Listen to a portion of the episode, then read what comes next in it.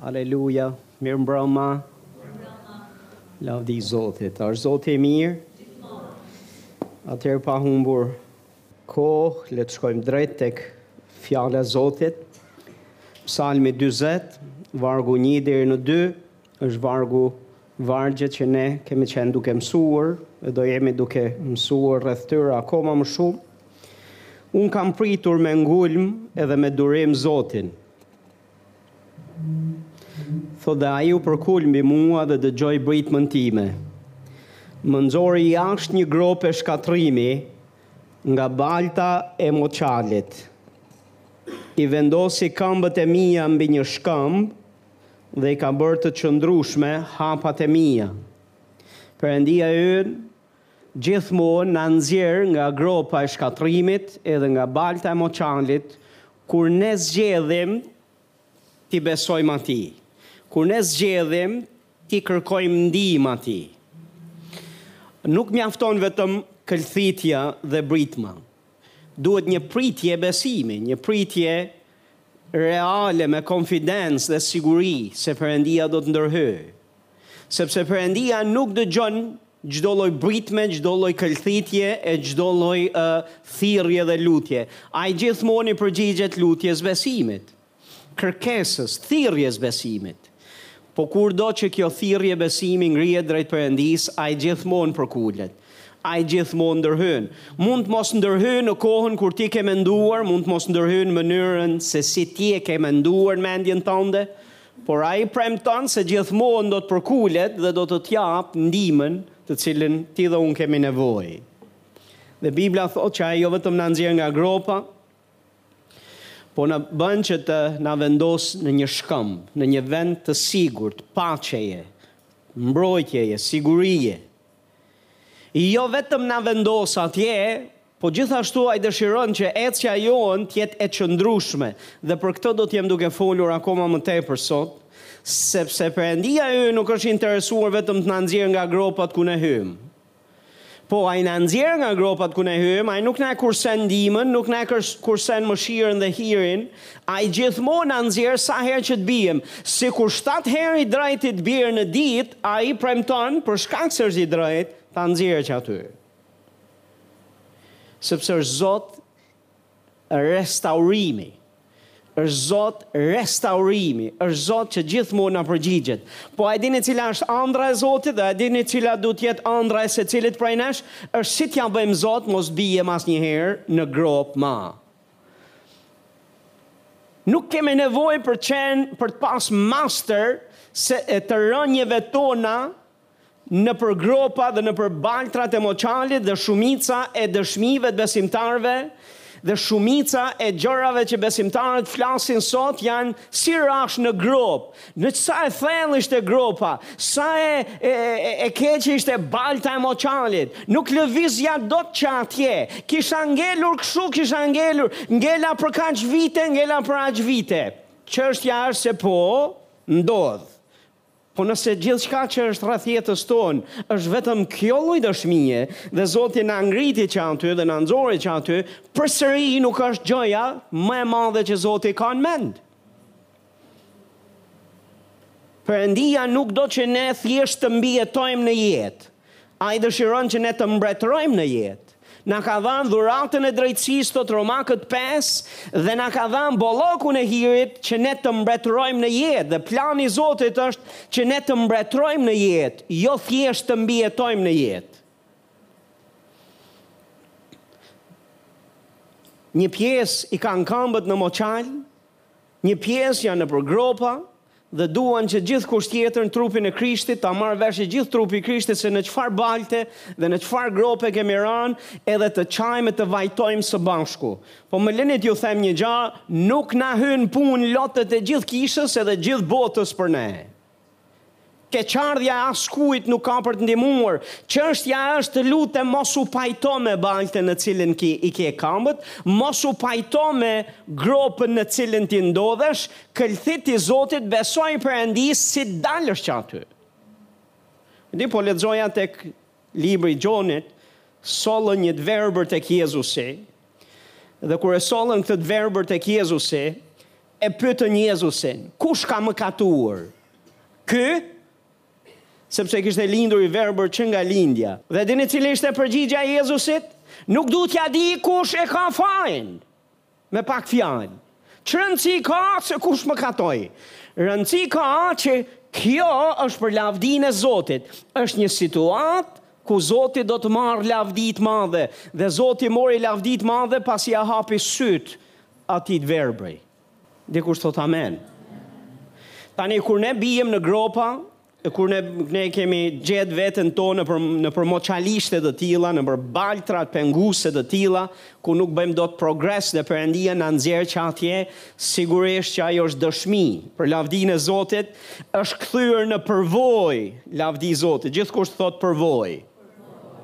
është kthyer në përvojë. Po e dini cila duhet të jetë, çfarë duhet të bëjë përvoja jonë? Njëherë përvoja jonë duhet na bëjë ne që mos bijem në të njëjtat gabime ma. E dini çfarë duhet të bëjë gjithashtu përvoja jonë? Përvoja jonë është duhet të jap za, duhet të japim za përvojës tonë tek tjerët në mënyrë që edhe tjerët të mësojnë nga gabimet tona. të mësojnë nga dështimet dhe rëniet tona. Pse pastor? Cili është qëllimi? Qëllimi përfundimisht është që të mos biem kurrë ma në to. Që të mos e gjem veten nëpër gropa dhe nëpër baltra të tilla, sepse nuk është vullneti dhe plani i Zotit. Plani i Tij është jo veç të na nxjerrë, dhe Ai ka mëshirë të madhe, na nxjerr nga gropa e shkatërrimit, nga balta e moçalit, i vendos këmbët tona mbi një shkamb Dhe i bën të qëndrueshme hapat tona. Ky është plani i Zotit. Në procesin e restaurimit të Perëndisë, Perëndia ka përfundu punën e vet vetëm kur ka forcu hapat tonë, kur i ka bërë të qëndrueshme në mënyrë që ne mos rrëshqasim ma, të mos biem ma në të njëjtat ujëra. Dikush thotë amen. Haleluja. Morëm jetën e Davidit dhe për këto do jemi duke folur akoma edhe sot sepse ka disa gjëra të cilat dua t'i ndaj me ju, shtesë e atyre gjërave që kemi qenë duke folë. E dyta e Samuelit kapitulli njëmbëdhjetë na flitet për një ngjarje të dhimbshme, diçka që i ndodhi mbretit David, që i solli dhimbje e i solli lot për mbetjen e jetës tij. Perëndia e restauroi, Perëndia e nxori nga gjendja në cilin ishte, Perëndia u kujdes për ta, por nuk ishte shteg i lehtë, nuk ishte shteg pa dhimbje, nuk ishte shteg pa lot, nuk ishte shteg pa pasoja. Dhe çështja është se ne ka kjo histori e shkruar në Bibël për mësimin tonë, për të parë edhe ne disa gjëra të cilat mund t'i mësojmë që mos ta gjemë ne veten në ujëra të tilla, ta gjemë veten në situata të tilla ku do i duhet perëndisë të na restaurojë, po pasi kemi shkuar e kaluar nëpër, kemi derdhur shumë lot e kaluar shumë dhimbje, apo edhe tjerët rrethërrotull nesh, sepse Perëndia nuk e ka këtë dëshirë. Kjo është edhe një arsye pse e kemi në Bibël. Vargu një thotë me fillimin e vitit të ri, Në kohën kur mbretërit shkojnë të luftojnë, Davidit, Davidi thotë dërgoi Joabin me shërbëtorët e tij dhe me tërë Izraelin për të shkatërruar vendin e bijve të Amonit dhe për të rrethuar Rabahun, por Davidi thotë mbeti në Jeruzalem. Një mbrëmje u ngrit nga shtrati i tij dhe filloi të shëtisë në taracën e pallatit mbretëror.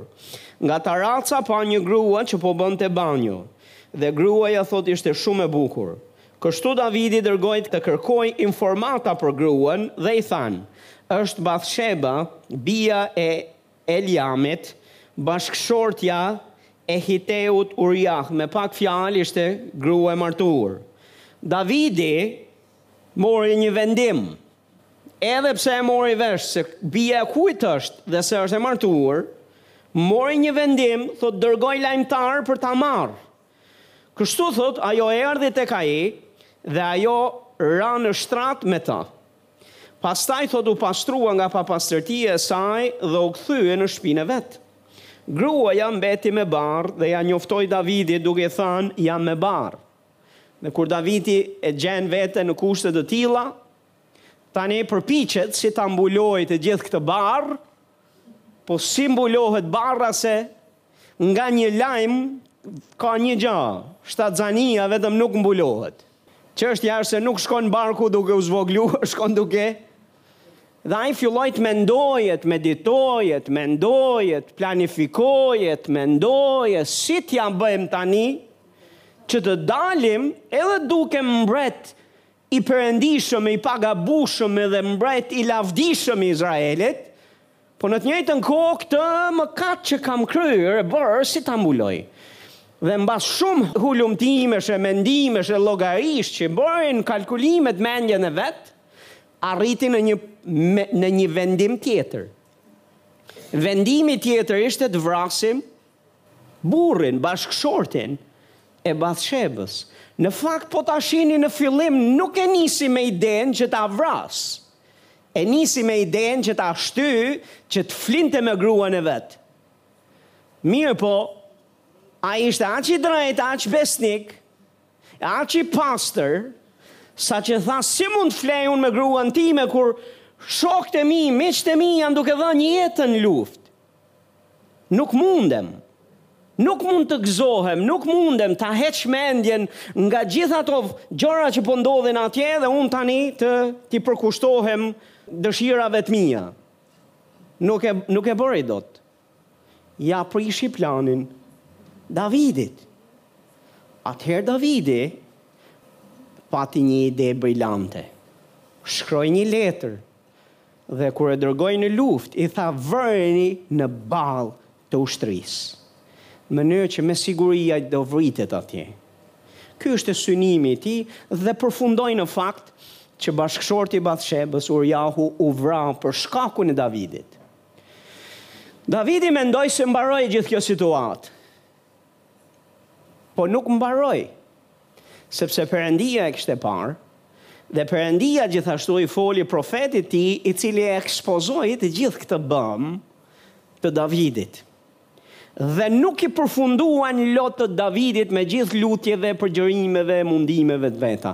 Zoti e restauroi, po kaloi një kalvar dhimbjesh dhe pasojash për shkak të këtij të këtij gabimi, për shkak të këtij mëkati që kreu. Një nga pasojat ishte se djali që mbet, djali që lindi Bathsheba vdiq. Një nga. Po nuk është vetëm ajo. Ne shohim që kishte drama në familje. Drama në familje. Për shkak të veprimeve të veta të pamatura. Ka arsye, pastor, a ishte Davidi njeri me zemër sipas zemrës së Zotit? A ishte Davidi njeri i cili kur përballej me me Fjalën e Zotit nuk e ngurtësonte zemrën, por rrëfente mëkatet e veta, pranonte dhe pastërtisht me zemër kishte frikë Zotin? Po, pastor i kishte të gjitha këto. Po kishte edhe këto që ra. Dhe nuk kishte pse në qoftë se do të kishte bërë ca hapa që në fillim Dhe ne mund të mësojmë prej kësaj, në mënyrë që edhe ne të krijojmë kushte të atilla, të kemi një jetë të asaj natyre që mos të jemi duke duke lozur me zjarrin, duke lozur pranë ujërave e pranë një toke rrëshqitëse, mos t'i çojmë hapat afër baltës moçalit fare, mos të shkojmë afër gropave duke menduar se ne jemi të fortë mjaftueshëm, ne nuk biem. Jo pastor, po të bëjmë një jetë të atillë e cila do të jetë e qëndrueshme. Një nga shkrimet që ju lexova radhës kaluar është që Zoti i bën të gjera hapat tona, kambët, i bën të gjera. Këtë shputën e kambës na e zgjeron. E dini ça është duke thanë? Është duke thanë sa prej jush e dini se si ecet nëpër borë. Ata që vin nga malësia e dinë si. Ëh, e dinë si, apo? Ka qenë një, një ide. Domethanë, ideja ishte e tillë, që ne bënim një tip rrjete, e bënim një tip uh, o të thurur me, me tela, o të thurur me thupra, diçka të tillë që e ngjisnim poshtë kambëve dhe pastaj do ecnim nëpër borë. Pse? Sepse në këtë mënyrë Nuk futej kamba në borë, kishe mundësi me ec. Pse? Sepse ishte zgjeruar. Dhe Zoti do që ne të kemi një ecje të atillë, që ta kemi të gjerë, t'i kemi kambët tona, hapat tona të jenë të qëndrueshme. Dikush thotë? Amen. Gjënë e parë që ju fola radhës kaluar dhe mora kohë ishte vendimmarrja. Ne marrim vendime, marrim vendime çdo ditë. Çdo ditë, nga më të thjeshtat e deri më të komplikuarat. Mirëpo, vendimet tona sjellin gjithmonë sjellin rezultate ose do të sjellin një lloj prodhimtarie, për mirë apo për keq. Dhe është shumë e rëndësishme që të mësojmë të marrim vendimet e duhura. Vendimet vijnë nga procesimi i mendimeve që ne kemi, ai kalkulimi i mendimeve që ne kemi në mendje dhe janë gjithmonë rezultat i zgjedhjes tonë.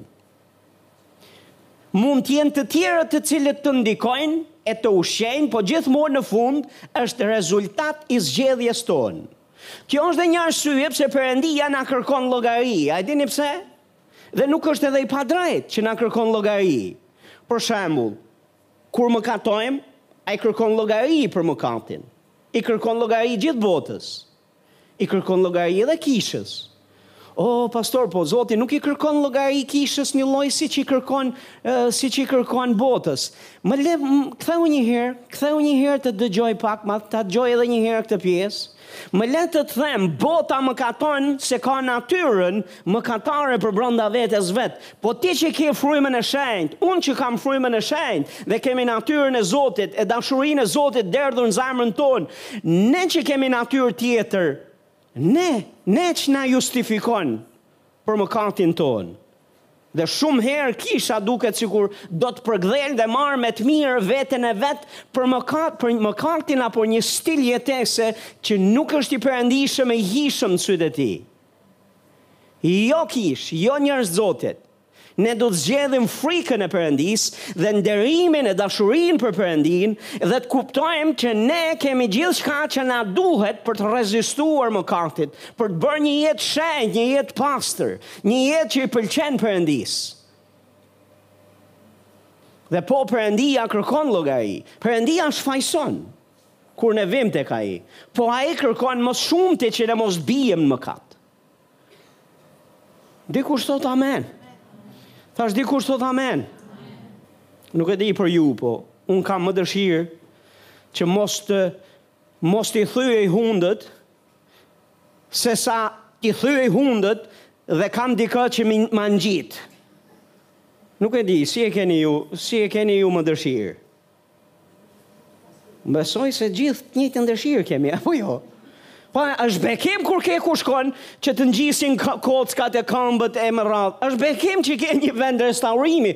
Po me thënë drejtën është ma bekim kur s'ke pse t'i thyesh hiç.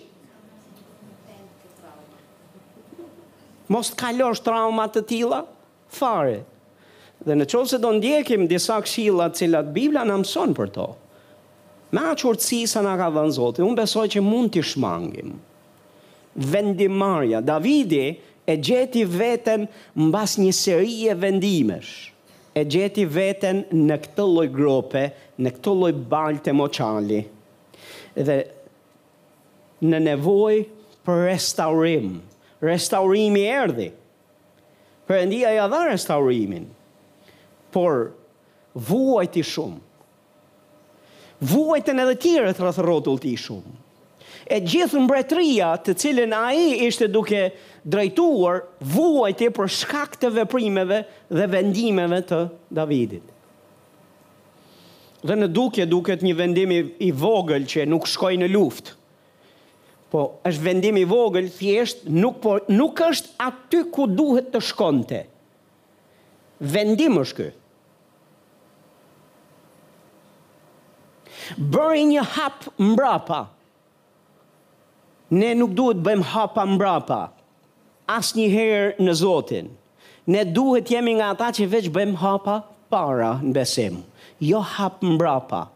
Për shkak të vendimeve të tija e gjete këtu veten. Çfarë kam thanë, si mund të merrni një vendim ose vendime të urta? Kam thanë janë katër gjëra, i mbani mend? Vendimmarrja, të marrësh një vendim të urtë, gjëja e parë është gjithmonë referoju Shkrimit të Shenjtë, me aq sa di ti.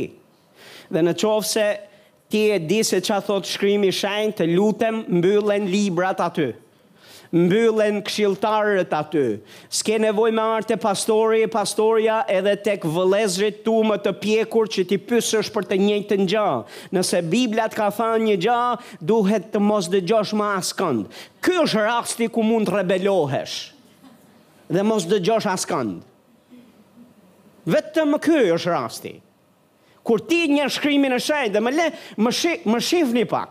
Në qoftë se ti e njeh Shkrimin e Shenjtë aq mirë, pastor, sa vërtet e njeh mirë, të lutem, rebelohu sa t'dush. Problemi që ka shumica e njerëzve të Zotit, edhe Kisha e Zotit, është se nuk njohin Shkrimin, po nga krahu tjetër duan dhe të mos pyesin askënd. Këto të dyja nuk shkojnë. Tani, kjo ishte thjesht një shaka, pastor, se nuk po them që të rebelohemi se ne nuk kemi drejtë me u rebelu kurrë. A e kuptuat? E çova pak te ekstremi, thjesht për të thënë se ka shumë rëndësi Shkrimi i Shenjtë, Fjala e Zotit. Çfarë thotë Shkrimi, ashtu siç e di, më lini të bëj një koment shtesë nga ai çka që bora herës që mësova radhës kaluar.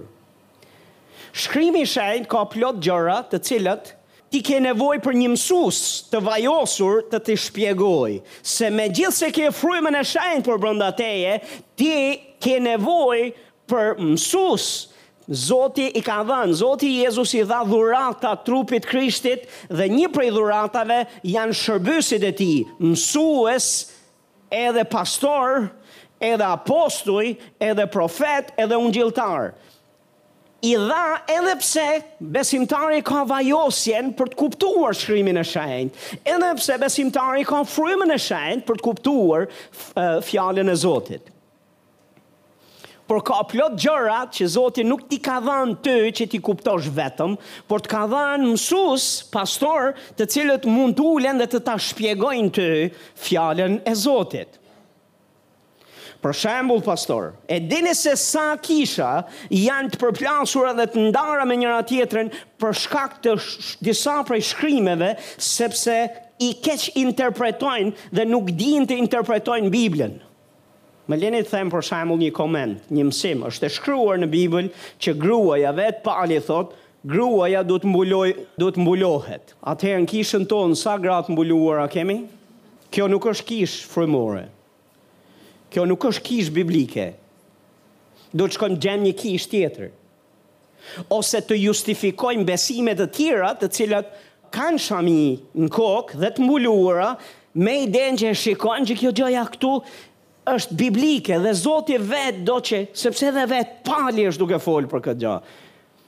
Kjo është kur ti ke shkuar tek shkrimi i shenjtë, po nuk di se ça thot në fakt shkrimi i shenjtë.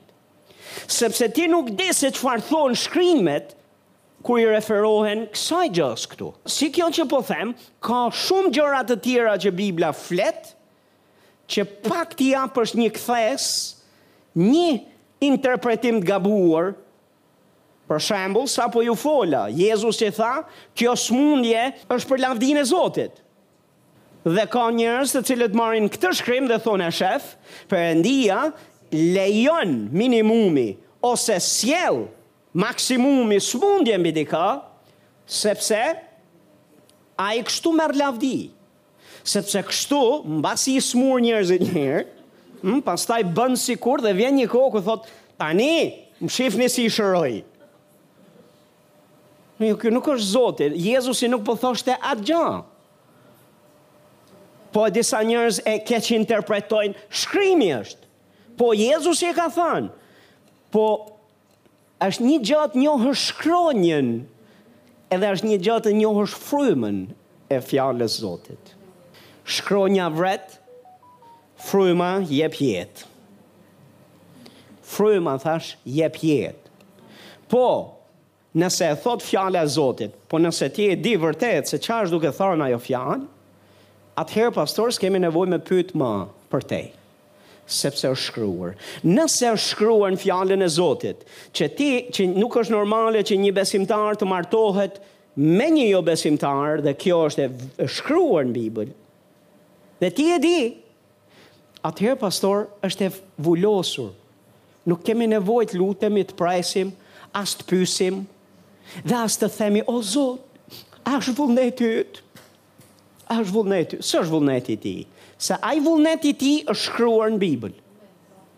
A është e qartë? Dikush thot, amen. Pyetja e parë është çfarë shkruan në shkrim. E dyta ka plot gjëra thash që janë në shkrime, po ka plot gjëra të cilat nuk janë në shkrime. Për shembull, kur vjen puna për jetën tonë personale, specifike, unike, apo kishës lok kishës tonë, apo tënden personale, nuk i ke të shkruara në Bibël.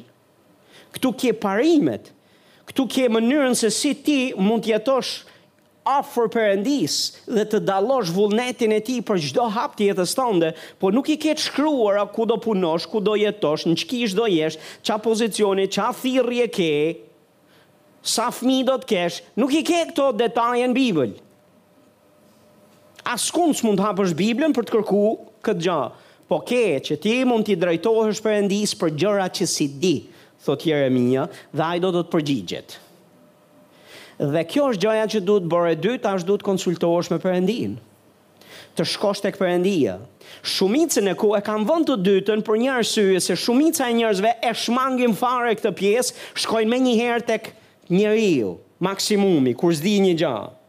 Po jo, Perëndia do varësi dhe do lidhjen me ty, nuk do lidhjen me ty përmes tjerëve.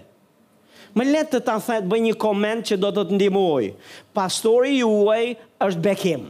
Haleluja, e di që është bekim. Faleminderit shumë që është bekim. E kam taku bekim.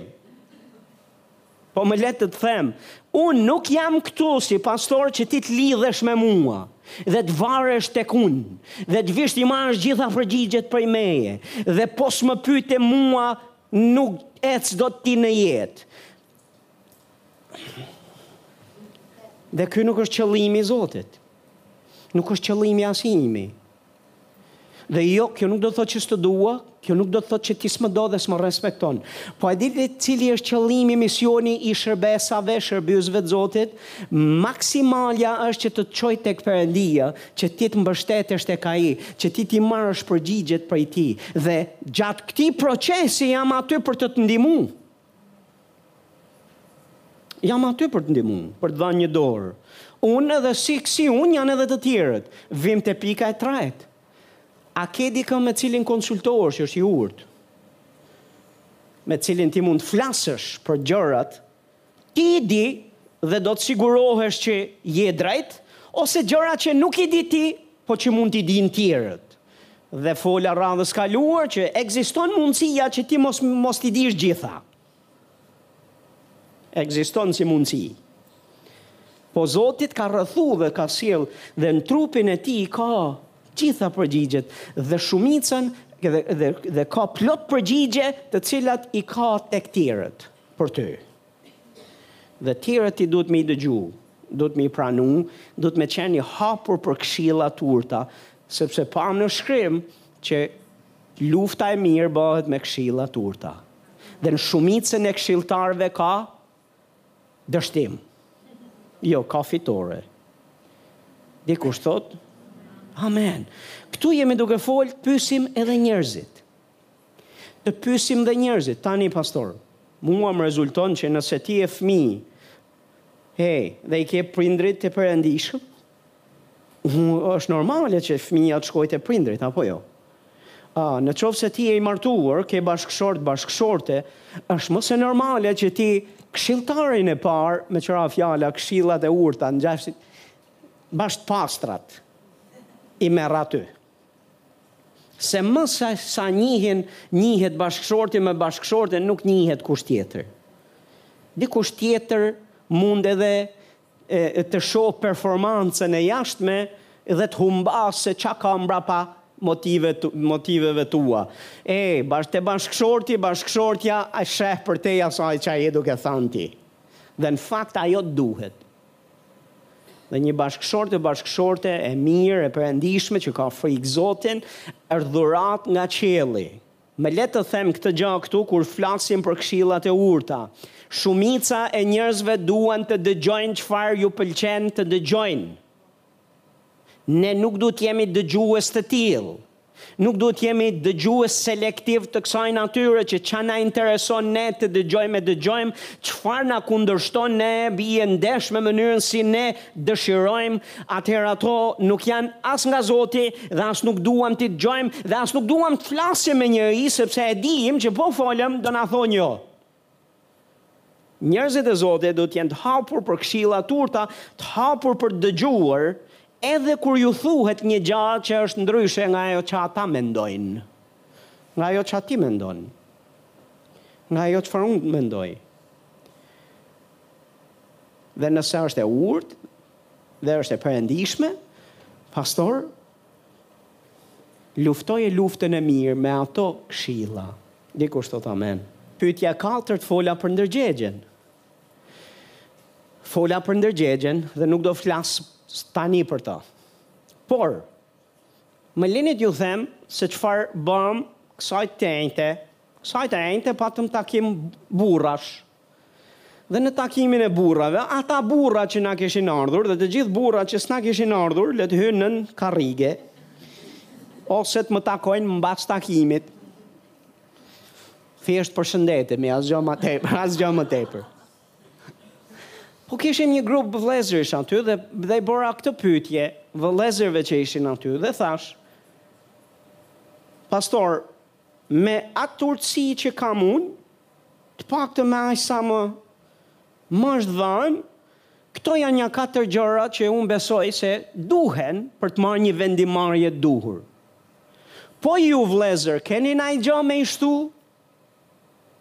Gjithë vëllezërit që ishin aty ta ngrejnë dorën që thjesht i shohim. Ngrejeni pak dorën, ngrejeni. Okej, 1 2 3 4 vëllezër. Ka kishim plot katër vëllezër. Unë vetë pesë. Haleluja. Dhe na u fol dhe diskutuam se të paktën ishte edhe një pikë tjetër që ne mund ta shtonim te këto katër pyetje që ishte me shumë peshë dhe me shumë rëndësi që e vërteta është më kishte rrëshqit nga mendja komplet E vërtetë? Po çuditërisht edhe pse pastor nuk e kisha shkru, as më kishte shku në mend. Dhe ja ku erdh nga dikush tjetër, tani e kam pesë. Herës tjetër kur të vij do të them, me urtësinë që Zoti më ka dhënë mua, dhe nga ca vëllezër që ma duan të mirën, dhe që kanë urtësi në Zotin, dhe që e njohin shkrimin, mendoj se është edhe një e pestë, jo veç katër. Cila ishte kjo e pesta? A doni ta dini? Hajdeni në takimin e burrave. Më lini t'jua them këtë se është me rëndësi, pastor, është me rëndësi. Në vendimmarrjet që marrim është me shumë rëndësi dhe ishte, është vërtet me vlerë për ta dëgju. Cilat janë përvojat tuat më përparshme? Domethënë, kur je duke marrë vendime, Duhet me pyet dhe me ju referu pak edhe përvojave të kaluara. Pastor sa biblike është kjo gjonja që po flasim? Hebrenjtë 5, vargu 13 deri në 14 thotë sepse kushdo që ushqehet me qumësht nuk e ka përvojën e fjalës së drejtësisë. Domethënë fjala e drejtësisë paska dhe përvojë bashkë. Dhe thotë, sepse është foshnje. Kurse ushqimi i fortë është për të rriturit, të cilët nga përvoja i kanë të zhvilluara vetitë për të dalluar të mirën dhe të keqen. Kush nga çfarë i kanë vetitë e dallimit? Domethënë, përvoja bën që vetitë e dallimit të të mirës dhe të keqes, të zhvillohen dhe ka njerëz që i kanë të zhvilluara, ka ca që janë foshnje dhe nuk i kanë zhvilluara. Nuk arrijnë dot të dallojnë ç'a është e mirë dhe ç'a është e keqe. Po ka ca të cilët për shkak se janë ushqyer mirë me fjalën e Zotit, dhe me ushqim të fortë nga Fjala e Zotit, që do të thotë nuk janë më foshnje, por janë maturuar në Zotin, me kalimin e kohës kanë fituar përvojë, sepse kanë parë Fjalën e Zotit të japë ndikimin dhe efektin e vet dhe jeta e tyre është e mbushur me përvoja, është e mbushur plot me dëshmi. Mbani mend Davidin? Davidi tha, O mbret, Zoti që m'bëri që të vras ariun dhe të vras luanin, do ma japë edhe këtë filiste t'parrethprerë. Po ju referua përvojave t'mëparshme. E di që përvojat tona na flasin, edhe ato të dështuset. Hm, sa po flasin për jetën e Davidit, e këtij Davidit që vrau Goljathin. Po që mëkatoi, është përvojë, përvojë e hidhur, po ne mësojmë nga këto përvoja apo jo? Që kur shohim gjëra të ngjashme të kësaj natyre, dallojmë, ëë, hapat tua tërhiqi mbrapsht, ose hapat tua hec përpara në betejë e shko e mos ki frikë, shko në emrin e Zotit të ushtrive kundër Goljathit tënd. Përvoja përvojat që ke dhe shumicën e, dhe ka, do ketë plot raste kur as nuk ke nevojë të konsultohesh me Perëndinë, sepse përvojat tua të mëparshme të tregojnë se ça duhet me ba. A jeni këtu apo jo? Dhe në jetë është kjo gjithashtu praktike apo jo? Praktike jotja. Përvoja. Përvoja të bën ty që ti të jesh i sigurt në disa vendime. Dikush thotë amen. Haleluja. Kështu që jemi të kompletuar për vendimmarrjet që duhet të marrim apo jo. Romakët 5 vargu 3 deri në 4 thotë dhe jo vetëm kaq, por mburremi edhe në shtrëngimet. Duke e ditur se shtrëngimi prodhon këmbguljen, këmbgulja përvojën dhe përvoja shpresën. Përvoja vjen Edhe në kohët më të vështira tona, kur kalojmë nëpër shtrëngime dhe kur kalojmë nëpër vështirësi dhe zgjedhim të qëndrojmë dhe të këmbngulim e të qëndrojmë në Fjalën e Zotit dhe shohim rezultatin e saj, kjo na kthehet në përvojë. Dhe kjo përvojë Ne na jep krah. Na ka dhënë, na jep shpresë, që në një moment tjetër kur përballemi me situata të ngjashme, themi e kemi parë një herë këtë film, fitojmë ne. Dikush thotë amen. Haleluja. A është Zoti i mirë? A u bekuat nga kjo pike që na erdhi nga këshillat e urta të vëllezërve? Apo jo? Haleluja. Nuk e di për ju, po unë u bekova. Kjo që po flisni më herët ka shumë peshë, ka shumë rëndësi, sepse njerëzit e Zotit nuk dinë të marrin vendime herë mbas here, ose anashkalojnë këto të vërteta dhe duke i anashkaluar këto të vërteta, marrin vendime të nxituara dhe pastaj themi pse? Ku ishte Zoti? Pse nuk pse e lejoi zoti këtë gjënë këtu pse e lejoi zoti Davidin që të bjerë në një mëkat të tillë kaq të madh ej nuk ka ku të shkojë më marrëzi se se se sa kjo lloj analize a jeni këtu Perëndia na ka dhënë zgjedhjen e lirë na ka dhënë të drejtën e zgjedhjes po gjithashtu edhe na mëson Se si të hecim, andej nga është rruga e sheshtë. Amen. Dua t'ju flas fillimisht për pozicionimin, rëndësinë e të qenit i pozicionuar aty ku duhet. Nëse je duke marrë shënime, merri pastor se kanë shumë rëndësi. Të mësosh të jesh i pozicionuar aty ku Zoti të don ty. Kjo është me shumë peshë, është me shumë rëndësi. Davidi zgjodhi që të pozicionohej në Jeruzalem, të pozicionohej në tarracë, të pozicionohej atje ku ishte rehat për të. Kur supozohej të ishte në luftë, supozohej të ishte me ushtrinë, ashtu siç duhet të ishte. Jo të ishte aty, po të ishte komplet në një vend tjetër. Pastor, e di se sa shumë rëndësi ka pozicionimi ynë? Shumë nga bekimet e Zotit do t'i marrësh në jetë thjesht sepse je i mirëpozicionuar në vendin e duhur në kohën e duhur. Dhe shumë nga bekimet e tij do t'i humbësh ose do t'i humbim thjesht sepse jemi pozicionuar gabim. Habakuku, kapitulli dy, vargu një deri në tre, janë vargje të njohura për disa prej nesh. Thotë, Unë do të rri në vendrojen time. Çfarë thotë? Do të rri në vendrojen time. Do të pozicionohem këtu. thotë do të zë vend mbi kullë dhe do t'i hap sytë për të parë atë që do të më thotë dhe çfarë do të duhet t'i përgjigjem lidhur me ankesën e bërë. Këtu është duke folë Habakuku është duke marrë pozicion në lutje, në kohën e tij, në vendrojen e tij, në kohën e tij me Perëndinë dhe thotë lidhur dhe dua përgjigjen Për kërkesën, ankesën që unë kam bërë. Vargu dy thotë, Pastaj Zoti m'u përgjigj. Shumë prej nesh, nëse duam që Zoti të na përgjigjet, duhet ta mirëpozicionosh veten aty ku ai mund të të flasë dhe të përgjigjet.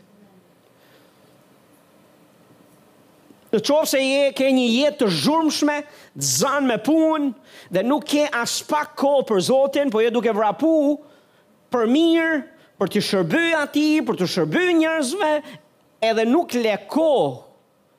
Ka plot vargje që Bibla flet, për shembull, vargje të tilla, thotë, rri në heshtje. Pusho. Mos fol. Rri në heshtje. Dhe njih se unë jam Zoti. Më lër mua të flas me pak fjalë dhe më lër mua të ta shfaq veten. Dhe është shumë me rëndësi, pastor, mirëpozicionimi. Habakuku e pozicionoi veten për të marrë përgjigjen dhe Perëndia ia dha përgjigjen. Pastaj thotë Zoti m'u përgjigj dhe tha shkruaje vegimin tënd dhe gdhende mbi rrasa që të mund të lexohet shpejt, sepse vegimi është për një kohë të caktuar por në fund ai do të flasë dhe nuk do të gënjejë nëse vonon prite sepse me siguri do të vijë dhe nuk do të vonojë. Më lini t'ju jap një këshillë të urtë nga ky nga kjo fjalë nga kjo përgjigje e Zotit. Zoti i tha Habakukut në përgjigjen e vet Shkruaje vegimin tënd. Thuaje, shkruaje vegimin tënd. Në rregull. Jo vetëm shkruaje, po thotë ku ta shkruaj. Shkruaje thotë në dhe gdhende mbi rrasa. Pastor, bëje zakon të mirë të shkruash Fjalën e Zotit. Kur e dëgjon, sidomos kur Zoti është duke të folur, shkruaj, bëje zakonin e mirë të të shkruarit. Sepse është bekim për ty dhe kështu do të jesh në gjendje të mbash mend. Kështu do të jesh në gjendje t'i kthehesh Asaj mbas shumë kohësh, çfarë të ka folur Zoti, çfarë të ka thënë Zoti. Mos u bëj përtac Po kur dëgjon atë ça zoti është duke të fol, e në mënyrë të veçantë është duke të fol diçka me peshë specifike e një fjalë për ty, shkruaje. Zoti nuk i tha vetëm shkruaje kudo, shk po i tha në rrasa guri, gdhende. A e di ça do me thënë të marrësh mendo pak se ça do me thënë të shkosh dhe të gdhendesh në rrasë guri. Një herë në radhë të parë duhet me gjetë rrasa guri. Duhet me marrë gurët me o me i gjetë rrasa o me i bë rrasa. Që do të thotë është proces pune. Dhe mbasi t'i ke bë, duhet të sigurohesh që nuk të thyhet. Dhe pastaj të marrësh ato pajisjet ku ti je duke gdhendur avash avash dhe do thosh z z z z z Zzzzzzzë Ups u thy pllaka Pllaka tjetër Edhe një herë Zzzzzzzzzë Oooooooo Edhe ups më ngadalë më me kujdes Oooo zëtë tëtëtë A u lodhët? U lodhëm thjesht duke folë? Imagjinoni atë që ishte me daltë në dorë edhe me me çekiça me ça ishte duke e punu atë fjalë që Zoti i tha ta gdhend në gur. Në rrasa guri. Zot na ruaj me na thënë Zoti sot. E kemi më të lehtë, Zot, ça është kjo? Pse jemi Në epokën e gurit, ne kemi sot kemi telefon. Haleluja. Është e lehtë. Zoti e dinte rrugën e lehtë. Zoti i dha rrugën e vështirë. A e dini pse i dha rrugën e vështirë?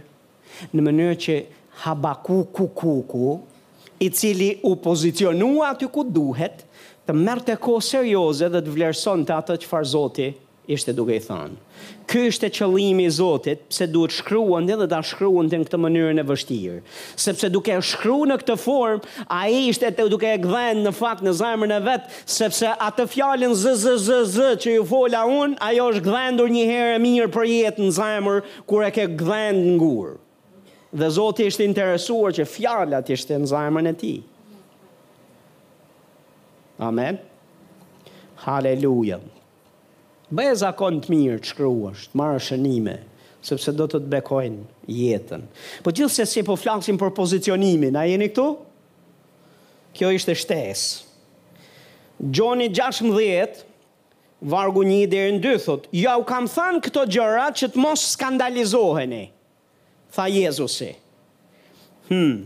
Do t'ju përjashtojnë nga sinagogat, madje po vjen ora kur kushdo që do t'ju vrasë, do të mendojë se i ka kryer një shërbim Perëndisë. Ups, jemi duke folë për për çfarë jemi duke folë? Për pozicionimin apo jo? Shife. Ti apo kushdo prej nesh mund të jetë i pozicionuar duke menduar se po bën gjënë e duhur, se parimi është i njëjtë, është parimi brenda, duke menduar se po i shërben Perëndisë, duke menduar se po bën gjënë e duhur, Dhe ai është komplet në të kundërt. Jezusi e thotë, do t'ju përjashtojnë ju nga sinagoga, do të madje do të vijë ora kur kushdo që do t'ju vrasë, do të mendojë, më në mendjen e vet do jetë i bindur se është duke bërë një shërbim ndaj Zotit. Wow, Nuk tha ndoshta do vijë një orë, ai tha do madje po vjen ora. Kur kushdo që do t'ju vrasë ju, do të mendojë se i ka kryer një shërbim kujt? Ja çfarë pozicionimi. Ti je pozicionuar vërtet duke i shërbyer Zotit, duke bërë gjënë e duhur, e je në Krishtin, po dikush tjetër është i pozicionuar komplet në të kundërt. Është kundër teje, është kundër kishës, është kundër Perëndisë, por në mendjen e vet mendon mendon se është pozicionuar aty ku duhet. Nuk e di për ju, po unë nuk do doja të isha i pozicionuar Në të kundërt, po do doja që të jem i pozicionuar në rrjedhën e Zotit, në rrjedhën e Frymës së Shenjtë, në rrjedhën e Fjalës e planit e vullnetit të Tij, jo në të kundërt. Mund të jesh o në rrjedhën e Frymës, o në të kundërtën e rrjedhës së Frymës. Pozicionimi ynë duhet të jetë i duhuri, po pozicionimi ynë është ka shumë rëndësi. Dikush thotë amen.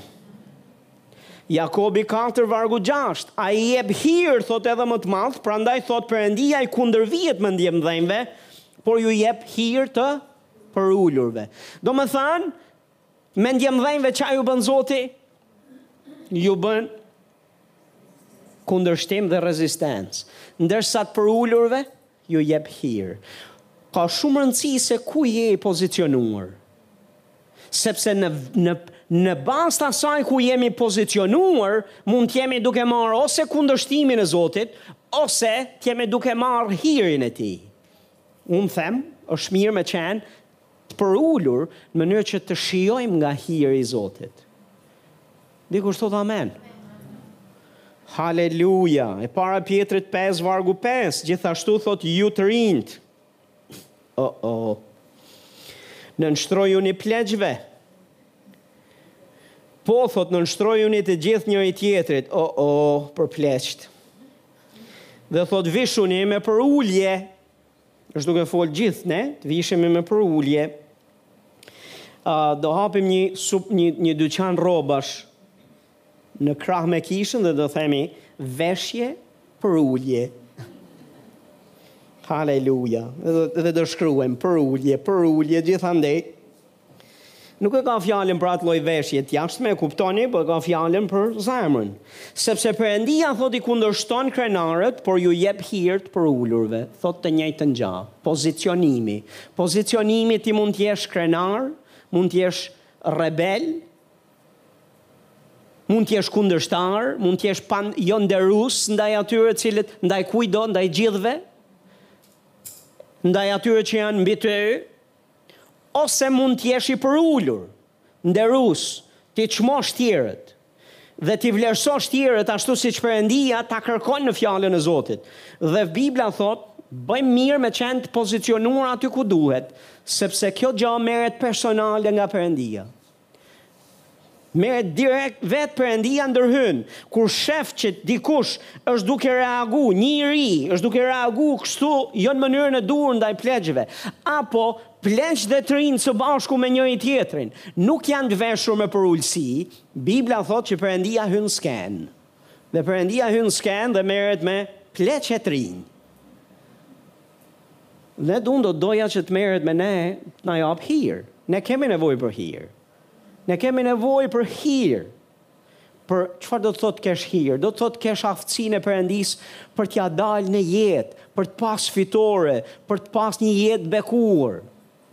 Ne kemi të nevojshme ndihmën e përkrahjen e Zotit dhe Zoti është pranë të përulurve, është pranë atyre që kanë frikë e nderim për Zotin dhe bëjnë atë që fjala thotë. E para Korintasve 12 vargu 18, kjo është shumë shumë shumë e rëndësishme. Por Perëndia ka vënë çdo gjymtyrë të trupit si ka dashur. Domethënë, Dhe këtu është duke folur për trupin e Krishtit, është duke folur për kishën dhe është duke folur për pozicionimin e çdo gjymtyre. Ti je gjymtyrë e trupit Krishtit. Unë jam gjymtyrë e trupit Krishtit. A je, pyetja ime është, a je i pozicionuar ku Perëndia ka dashur dhe si ka dashur Ai, apo je i pozicionuar në trup, në kishën që do ti, ku do ti, si do ti? Perëndia ka vënë çdo gjymtyrë të trupit, me pak fjalë, nuk është konsultuar me askënd të na marrë të bëjë një seminar me ne, a të bëjë votime dhe të thotë, ça mendimi ke ti? Po ti, te cila kishë do të shkosh? Prit Zot t'i kaloj një herë të gjitha kishat t'i t'i shoh një herë si më përshtatet kisha mua, a e kam afër shpisë, a e kam A është pastori ashtu siç unë do e doja? A janë gruaja e pastorit a është ashtu siç unë do të doja? E kështu me radhë të gjitha gjërat. Hmm? I kanë të gjitha gjërat që më përshtaten dhe i dua unë? Duhet të jetë krejt ndryshe, pastor. Duhet të jetë ku më do ti, Zot. Dhe më le t'jua them një gja. Sa për që ta dini një herë e mirë. Në qoftë se ke lindur në këtë kishë, këtu të do Perëndia. Po të kishte dashur të të lindte në një të çonte në një kishë tjetër, të kishte lindë atje. Keni pa naj fëmijë që sa lind vin gjithë doktor, njerëz, të gjithë, mami, të gjithë e majnë, thonë tani Të pyesim pak foshnjen ku ka dëshirë ky që të mbillet. Në ç'familje do ta çojmë këtë? Me këtë botë që kemi ardhur sot edhe mund ta bëjnë, mund të shkojë, mund ta dëgjojmë edhe këtë version. Po deri tani kjo gjaja s'ka kuptim për logjikë njerëzore, apo jo? Nuk e nuk është fare pikëpyetje se ku duhet të shkojë ai fëmijë. Dihet që ai fëmijë që ka lindë në atë shpi, ajo është shpia ku Zoti e ka dashtë. Ata këta ata prindër. Edhe fëmijët që i lindin një kishe, supozohet të jenë aty. Tani me kalimin e viteve, a merret Perëndia dhe i pozicionon ku si ka dashur si po, Po nuk ikim kurrë nga ofendimi, nuk ikim kurrë sepse është më rehat për ne, nuk ikim kurrë me idenë se e kam në derë të shpisë, ne ikim kudo ku Zoti na çon ne. Që pastor mund të kesh në derë të shpisë, Një kishë të vdekur, thjesht se e ke në derë të shpisë. Dhe mund të mos jetë kisha që Zoti të don ty, dhe ajo nuk është kisha ku ti do të japësh frut. Pozicionimi ka shumë rëndësi. A e dini pastor që portokallet nuk bëhen në Kukës? Apo s'e dini, e mësuat sot. Duhet me shkuar nga nga Vlora ore. Duhen çu ka ka vendin e vet. Po ka ca pemë që mbijnë andej që ti mund t'i shkulësh, janë shumë të mira, t'i çosh në bregdet, po nuk bëjnë atje sepse është lloj është klima. Dhe është lloj i pemës. Të mësojmë minimumi nga natyra, mos më edhe po s'mësuam nga shkrimi, të mësojmë nga natyra. Se ç'bëjnë ca besimtarë, të cilët janë të mbushur plot me frymën e shenjtë, besojnë në dhuratat e frymës shenjtë, janë njerëz të mb... kanë njohur fjalën e besimit, unë nuk arrij dot ta kuptoj se si mund të shkojnë të lenë një kishë besimi dhe të shkojnë në një kishë Ku nuk praktikohen këto, nuk e nuk arrij dot ta kuptoj, mendja ime nuk ma je, nuk ma Dhe me disa prej tyre kam folur, sepse thjesht kam dashur të dëgjoj ndonjë këshillë të urtë që ndoshta s'e kam ditur unë. Dhe dini cilat kanë qenë gjëra këshillat ose gjërat që më kanë ardhur? Ë, Zoti më ka sjellë këtu që të ndryshoj pastorin. O, mision. Misioni është që pastori që s'është i nuk është karizmatik, i mbushur me frymën e shenjtë, e që flet në gjuhë të reja, e që operon në dhuri, dhuntitë e frymës, do, do t'i rri afër e do ta mësoj e ta ndihmoj. Oh, nuk besoj në një shërbesë të tillë. Nuk besoj që zoti të do ty agjent nuk kam dëgju dhuratë agjent i fshehtë në trupin e Krishtit. Keni lexu gjë në Bibël? A keni lexu gjë në Bibël një gjë të tillë? Jo, këtë do ta quaja rebel i fshehtë në trupin e Krishtit. Jo, pastor. Jo. Dhe gjithmonë do jesh në konflikt, do jetë konflikt aty. Partner. Unë jam aty, por nuk jam aty. Jo, unë jam aty, pastori flet, shërben, kisha operon në atë mënyrën se si është, po unë Jam komplet ndryshe. Heu, ti je komplet ndryshe. Ti je duke bo, ti, ti je duke bo rezistencë gjatë gjithë kohës.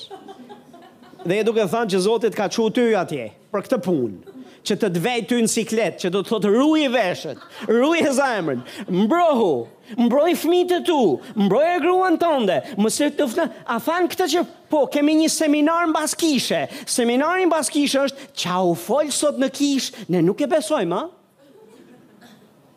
Ose do jesh i papërgjegjshëm dhe do thush, shiko, të dëgjojnë ç'të duan këta. Jo, ke përgjegjësi. Ça dëgjon. Po dhe ata që i ke me vete, Ç'a dëgjojnë e ç'a praktikojnë. Paska shumë rëndësi pozicionimi n'kishën e duhur. Ka shumë rëndësi, pastor, që të jesh me njerëzit të cilët kanë të njëjtën frymën me ty, të njëjtën frymën besimi me ty.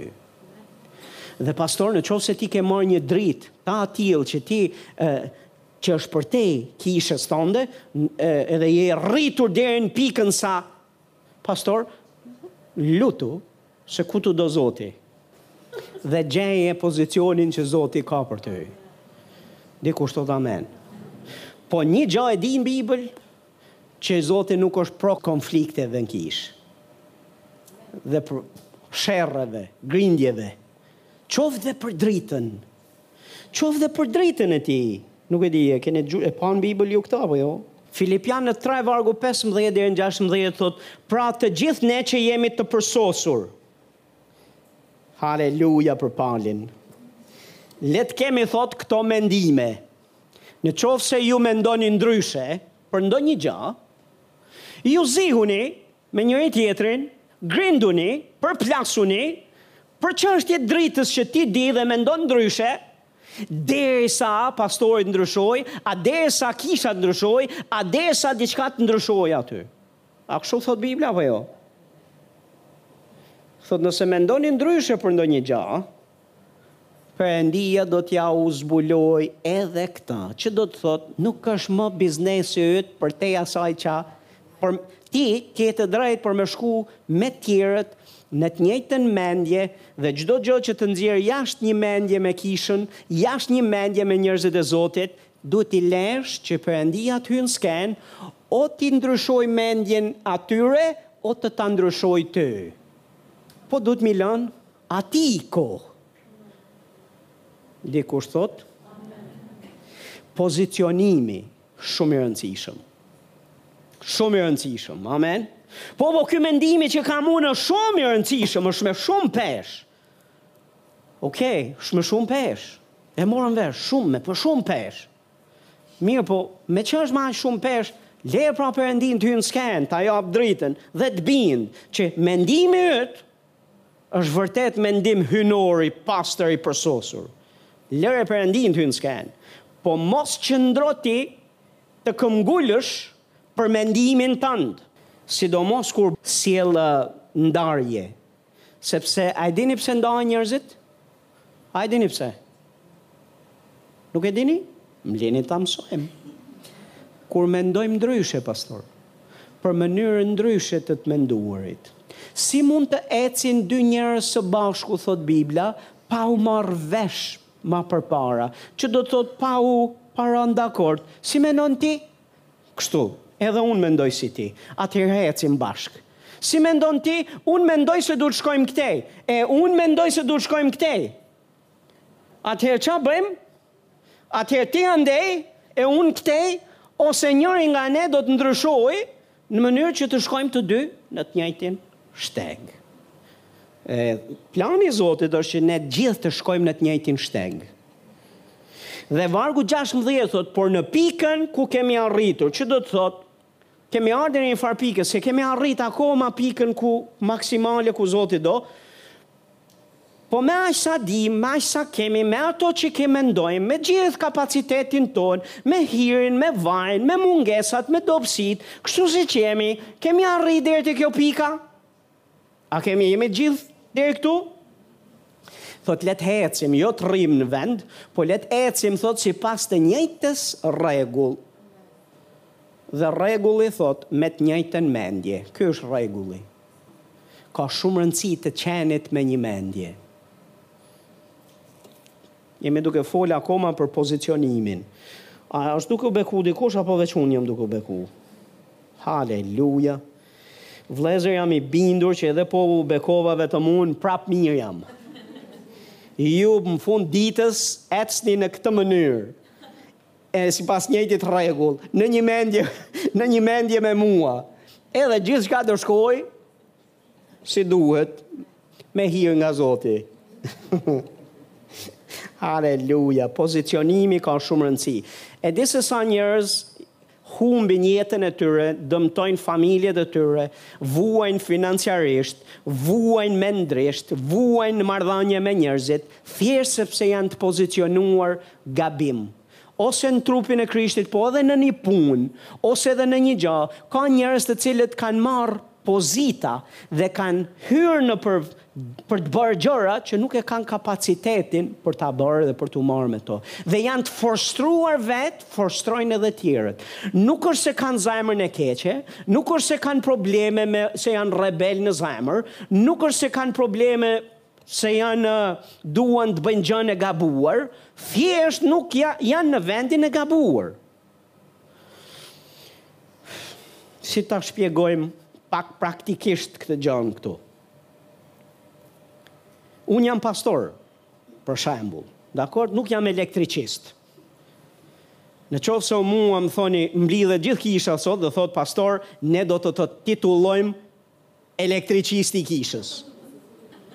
Në rregull, madje pastor, do bëjmë edhe një gjë, do lutemi për ty, do vëmë duart mbi ty që ti të kesh vajosjen e elektricistit. Dhe pastori juaj bën gabimin e gabimeve dhe e merr këtë pozitë dhe them po unë jam elektricisti i kishës.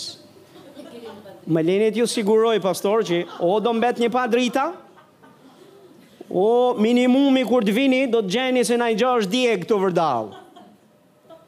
Aman më mbani larg prizave, larg gjërave këtyre kabllove elektrik, ose minimumi do gjeni pastorin tuaj të vajosur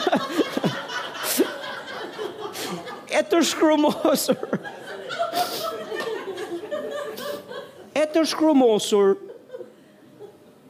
po ja që pastori juaj ka një familje e ka ca fëmijë ka një grua.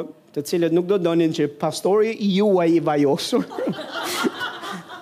të shkojë në shpi i shkrumbosur. Jam duke fol për të qenit i pozicionuar. Më le të them një gjë. Kur ti je në pozicionin e duhur, duke bërë gjën e duhur, do shkëlqesh. Do shkëlqesh ti, do kënaqen dhe tjerët rreth rrotull teje. Po je në vendin e gabuar, do ia nxish vetes edhe tjerëve. Dhe s'është çështje se ke zemrën keq. Thjesht nuk je për atë vend. Nuk je për atë punë. Dikush thot amen. Pozicionimi, pastor, edhe në anën e natyrshme ka shumë rëndësi. Dikush thot amen. Tani kam edhe një pesë gjëra të tjera, të cilat them t'i themi herës tjetër. Haleluja! A u bekuat sot? Lavdia i qoftë Zotit. Pozicionoje veten aty ku duhet. Pozicionoje veten aty ku duhet. A je ku Zotit do? A je në anën e përuljes? A je në anën e të qenit në vendin, në kishën, në vendin e duhur që Zoti të ka thirrur të jesh? Nëse je, rri aty ku je, të lutem, edhe shkëlqe. A je në pozicionin ku hiri i Zotit mund të mbulojë? A je në pozicionin ku ti mund të jesh duke dhënë e duke qenë bekim për tjerët? Haleluja. Pozicionoje veten aty ku Zoti të don ty, pastor. Oh, haleluja. Ka një arsye pse Zoti iu tha Dishepujve të vet të prisnin në Jeruzalem. A e keni bërë naj herë pyetjen pse në Jeruzalem? Do vinte fryma e shenjtë. Jezusi tha, unë do t'i lutem atit dhe ai do ju jap një ngushëllues tjetër, një ekzaktësisht si unë, frymën e shenjtë, që do të jetë përgjithmonë me ju. Dhe mbas ringjalljes, ai u tha, Ju do të prisni në Jeruzalem. Dhe na thotë te Veprat 1, vargu 4, dhe duke u gjetur bashkë me ta, thotë, i urdhëroi ata që të mos largoheshin nga Jeruzalemi, por të prisnin premtimin e Atit, që, që tha ai, e keni dëgjuar nga unë. Sepse Gjoni pagëzoi me ujë, por ju do të pagëzoheni me Frymën e Shenjtë mbas jo shumë ditësh. Domethënë Zoti Jezus Iu tha të prisnin Jeruzalem. Tani më lini pak t'ju them një gjë. Fryma e Shenjtë mund të vijë kudo. Sa prej jush e dini se jemi kish, kish që besojmë dhe e njohim Frymën e Shenjtë? Sa prej nesh e njohim Frymën e Shenjtë? Në Frymën e Shenjtë e pengojnë gjë muret? E pengon gjë pozita gjeografike? E pengon gjë? Që të vij diku, pastor, më lini këtu t'ju them, Fryma e Shenjtë është i kudondodhur dhe mund të vijë edhe këtu, mund të vijë edhe në Jeruzalem, mund të vijë edhe në majë të malit. Po Zoti Jezus iu tha atyre, prisni në Jeruzalem, këtu ju dua të pozicionuar, të prisni në këtë vend, dhe jo në Nazaret, Dhe as në Samari, po ju tha në Jeruzalem, këtu ju dua. Dhe kur Jezusi ju foli, ishin 500 dishepujt të paktën. Sepse shkrimi na thotë që kur ai u shfaq mbi 500 dishepuj e panë. Dhe ishin kur Jezusi e tha këto fjalë. Vetëm 120 zgjodhën të pozicionohen aty. 380 tjerët Nuk ishin aty. Unë nuk e di ç'ishte në mendjen e treqind e tetëdhjetëve, pse s'ishin ata aty, po ma merr mendja se kishin justifikime fisnike pse s'duhet ishin atë ditë, pse s'duhet ishin në Jeruzalem bashkë me dishepujt e tjerë. Ishin diku tjetër. Kur erdhi fryma e shenjtë ne e dimë që këta njëqind e njëzet u pagëzuan me frymën e shenjtë dhe përjetuan ardhjen e parë të frymës së shenjtë, manifestimin e frymës së Zotit në tokë. Ata njëqind e njëzet ishin nga pesëqind, ata e përjetuan. Treqind e tetëdhjetët e humbën këtë shans, e humbën këtë bekim. A është kështu apo jo?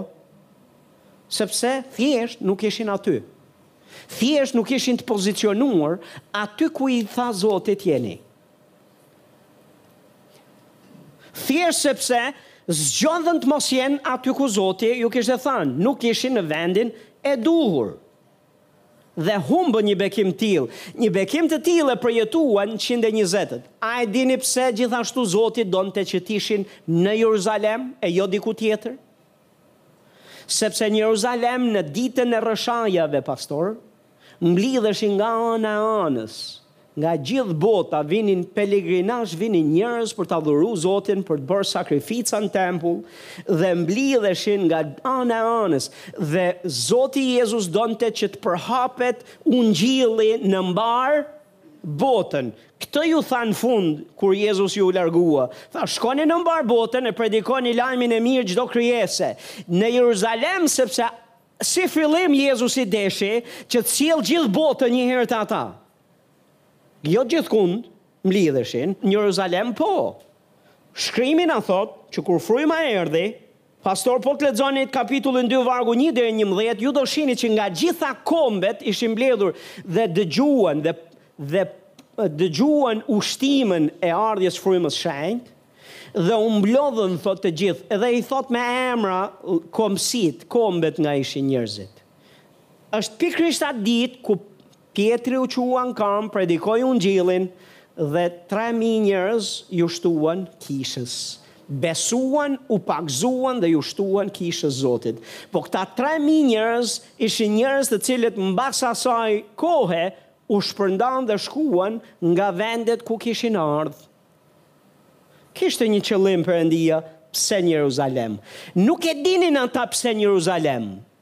Dhe nuk ishte fare e nevojshme që të bënin të vinin pikëpyetje pse Zot në Jerusalem? S'mund të vish ti në Nazaret? S'mund të vish ti tek arat që kam ble? S'mund të vish ti tek punët e mia? S'mund të më gjesh ti rrugës? S'mund të më gjesh ti në orarin e punës? Fryma e Shenjtë ti mund të vish kudo ku jemi. Jezusi nuk e kishte me të vërtetë në Jerusalem, e kishte në fakt simbolikisht që ju të prisni në zemrën tuaj. Jo more e kishte që të ishit në Jerusalem, në një vend në një pozicion gjeografik. Mos hiqni dorë nga të mbledhurit bashkë. Pse? Siç kanë zakon disa. Pse? Sepse pastori merr mungesa në kishë. Vaa, sa fisnike. Jo, pastor, nuk është për këtë arsye. është që ju të dini që Zoti shtron tryezën e vet për ty. Çdo herë tryeza e Zotit është plot për ty.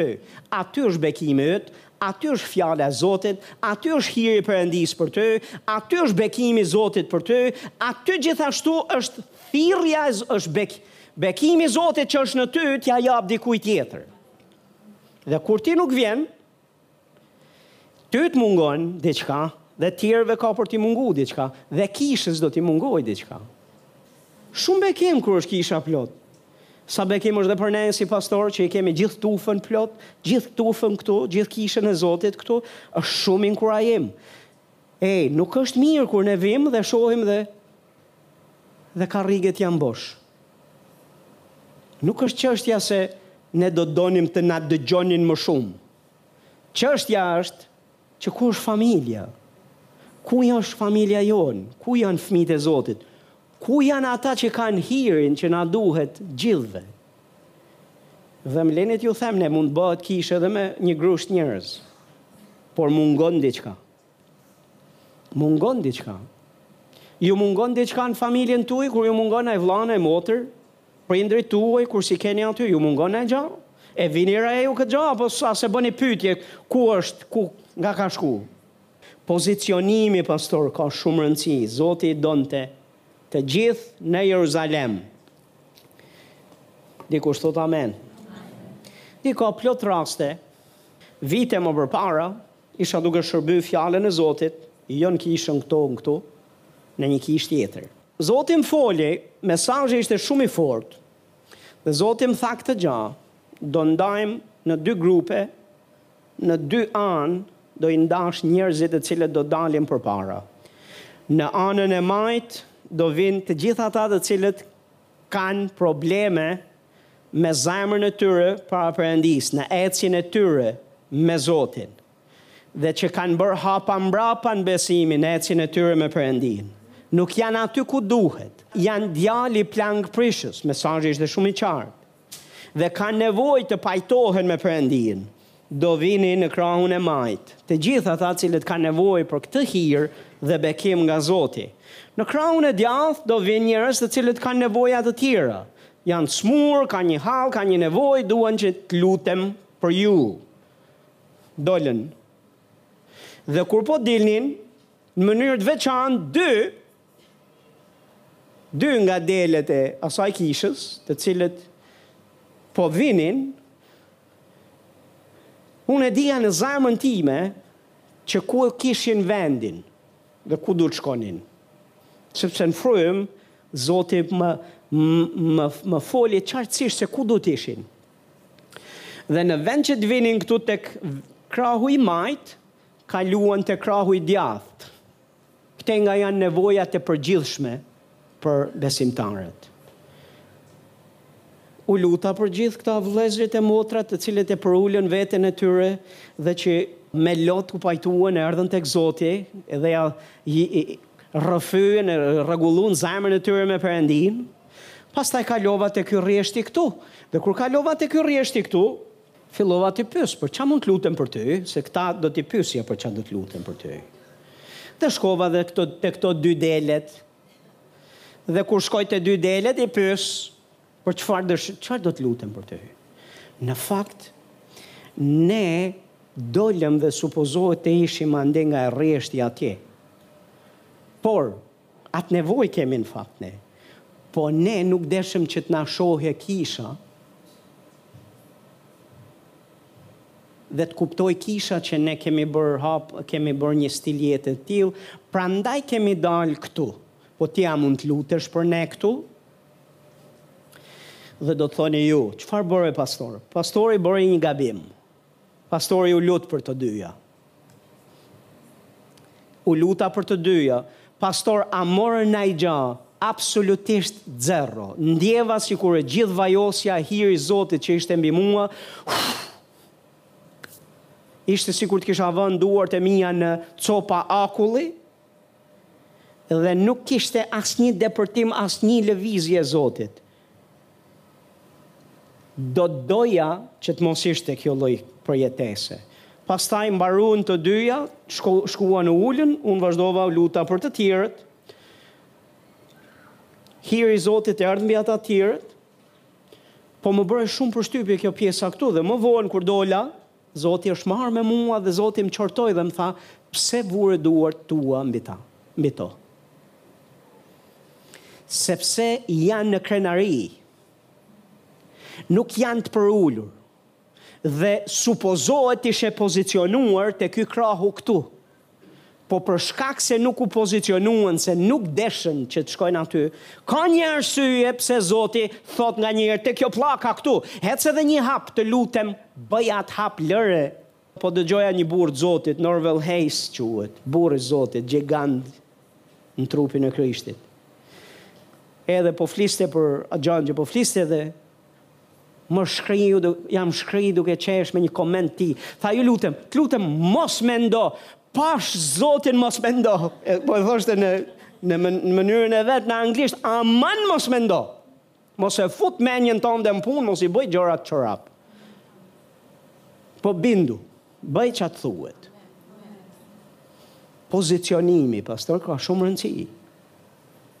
Shumë rëndësi.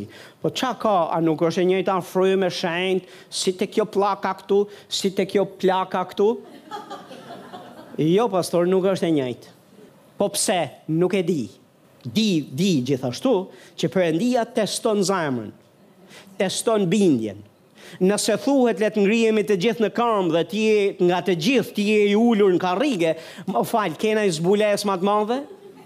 Pastor, unë vij në shërbesë dhe gjatë kohës që ti je duke predikuar, ah, sa bekohem, Zoti më jep mua zbulesa komplet tjera nga ato që je duke mësuar ti. Ti je duke folur për një gjë, po ej, fryma e Zotit është duke mësu mua komplet një gjë tjetër. Është duke gati gati duket sikur unë nuk jam aty. Të lutem pse ke ardhur? Sepse fryma e shenjtë të cilën unë e njoh, të ka sjellë në këtë kishë që të më dëgjosh mua, jo të dëgjojë të të japë ty zbulesa të reja të tjera ndaras nga ajo që je duke dëgju këtu. Ato mund të kishe nejt te te plaka jote ku ishe më herët. Ktu ke ardh atje ku zoti është duke u marr me ty. Pozicionimi pastor ka shumë rëndësi. Deri tek gjërat e thjeshta e deri tek gjërat të cilat janë më me më me peshë. Pse duhet që gruaja të Nënshtrojë veten e vet ndaj burrit. Çështje pozicionimi. Çështje pozicionimi. Po pse e ka bo zoti këtë gjënë këtu? E ka bo për të të beku ty. Po unë nuk e kuptoj se lajthia jote ka nevojë për t'u qëru pak minimumi. Në rregull që të dalë më në pah. Se ka, ka atë guaskën e fortë, në mënyrë që të funksionojë, po është për bekim. Perëndia vetë i ka vendosur pse duhet fëmijët që të rrinë të nënshtruar ndaj prindërve të vet, sepse çështje pozicionimi. Aty është bekimi, hiri, mbrojtja, siguria, rrjedh vaji i Zotit, Atje rrjedh bekimi i Zotit. Në çdo gjë tjetër që nuk është sipas rregullit tij, ka çrregullim, nuk rrjedh hiri, vaji, bekimi i Zotit. Çështje pozicionimi, pastor. Dhe ka shumë rëndësi, nganjëherë, pastor, thjesht i pozicionuar në vendin e duhur, bekimi i Zotit vjen. Dhuratat e frymës shenjtë. T'ju flas pak për dhuratat e frymës së shenjtë? Bibla thotë tek e para e Korintasve dymbëdhjetë flet për nëntë dhurata të manifestimit të frymës së shenjtë në shërbesë, ku mblidhet kisha. Komplet janë të kontrolluara prej frymës, fryma e shenjtë përdor kë të dëshirojë në takim dhe vepron. Dhuratat e frymës së shenjtë ka plot nga dhuratat e frymës së shenjtë që nuk kanë të bëjnë fare me me besimin e individit që nganjëherë merr prej atyre dhuratave. Për shembull, po marr dhuratën e besimit. Dhurata e besimit është nivel komplet tjetër nga niveli i besimit të një besimtari. Me nivelin tënd si besimtar, me besimin tënd në Zotin, ti mund të marrësh deri diku disa prej bekimeve në bazë të masës besimit që ke. Por kur hyn në punë dhurata e Frymës së Shenjtë, ka është komplet tjetër. Kur dhurata e Frymës së Shenjtë hyn në punë, Perëndia do të sjellë diçka që ti me besimin tënd nuk e merr dot. Dhe as nuk e përcjell dot te tjerët. E kam përjetuar pastor disa herë në shërbesë. Në mënyrë të veçantë mbaj mend një rast ku kam qenë në Roskovec duke shërbyer dhe kjo dhuratë e frymës erdhi mbi mua, më leni t'ju them, m'u duk vetja komplet njeri tjetër. M'u duk vetja ime sikur s'kishta, s'kishte gja që s'bahej atë ditë.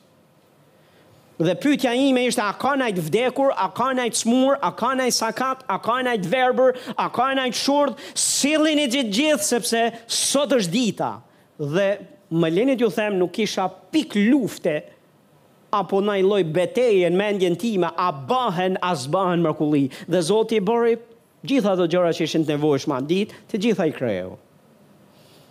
Nuk ka qenë gjithmonë kështu. Dhe unë e di, e di nivelin e besimit tim edhe e di kur hyn në skenë kjo dhuratë. Dhe shumë herë kam parë që njerëzit thjesht sepse kanë qenë në kishë, Atë ditë, kur dhurata e Frymës Shenjtë ka qenë në operim, janë bekuar, kanë marrë dhur mrekullinë e tyre, shërimin e tyre, mrekullinë e tyre. Dikush thotë amen. Prandaj pozicionimi, pastor, ka shumë rëndësi. Haleluja. A është Zoti i mirë? Haleluja.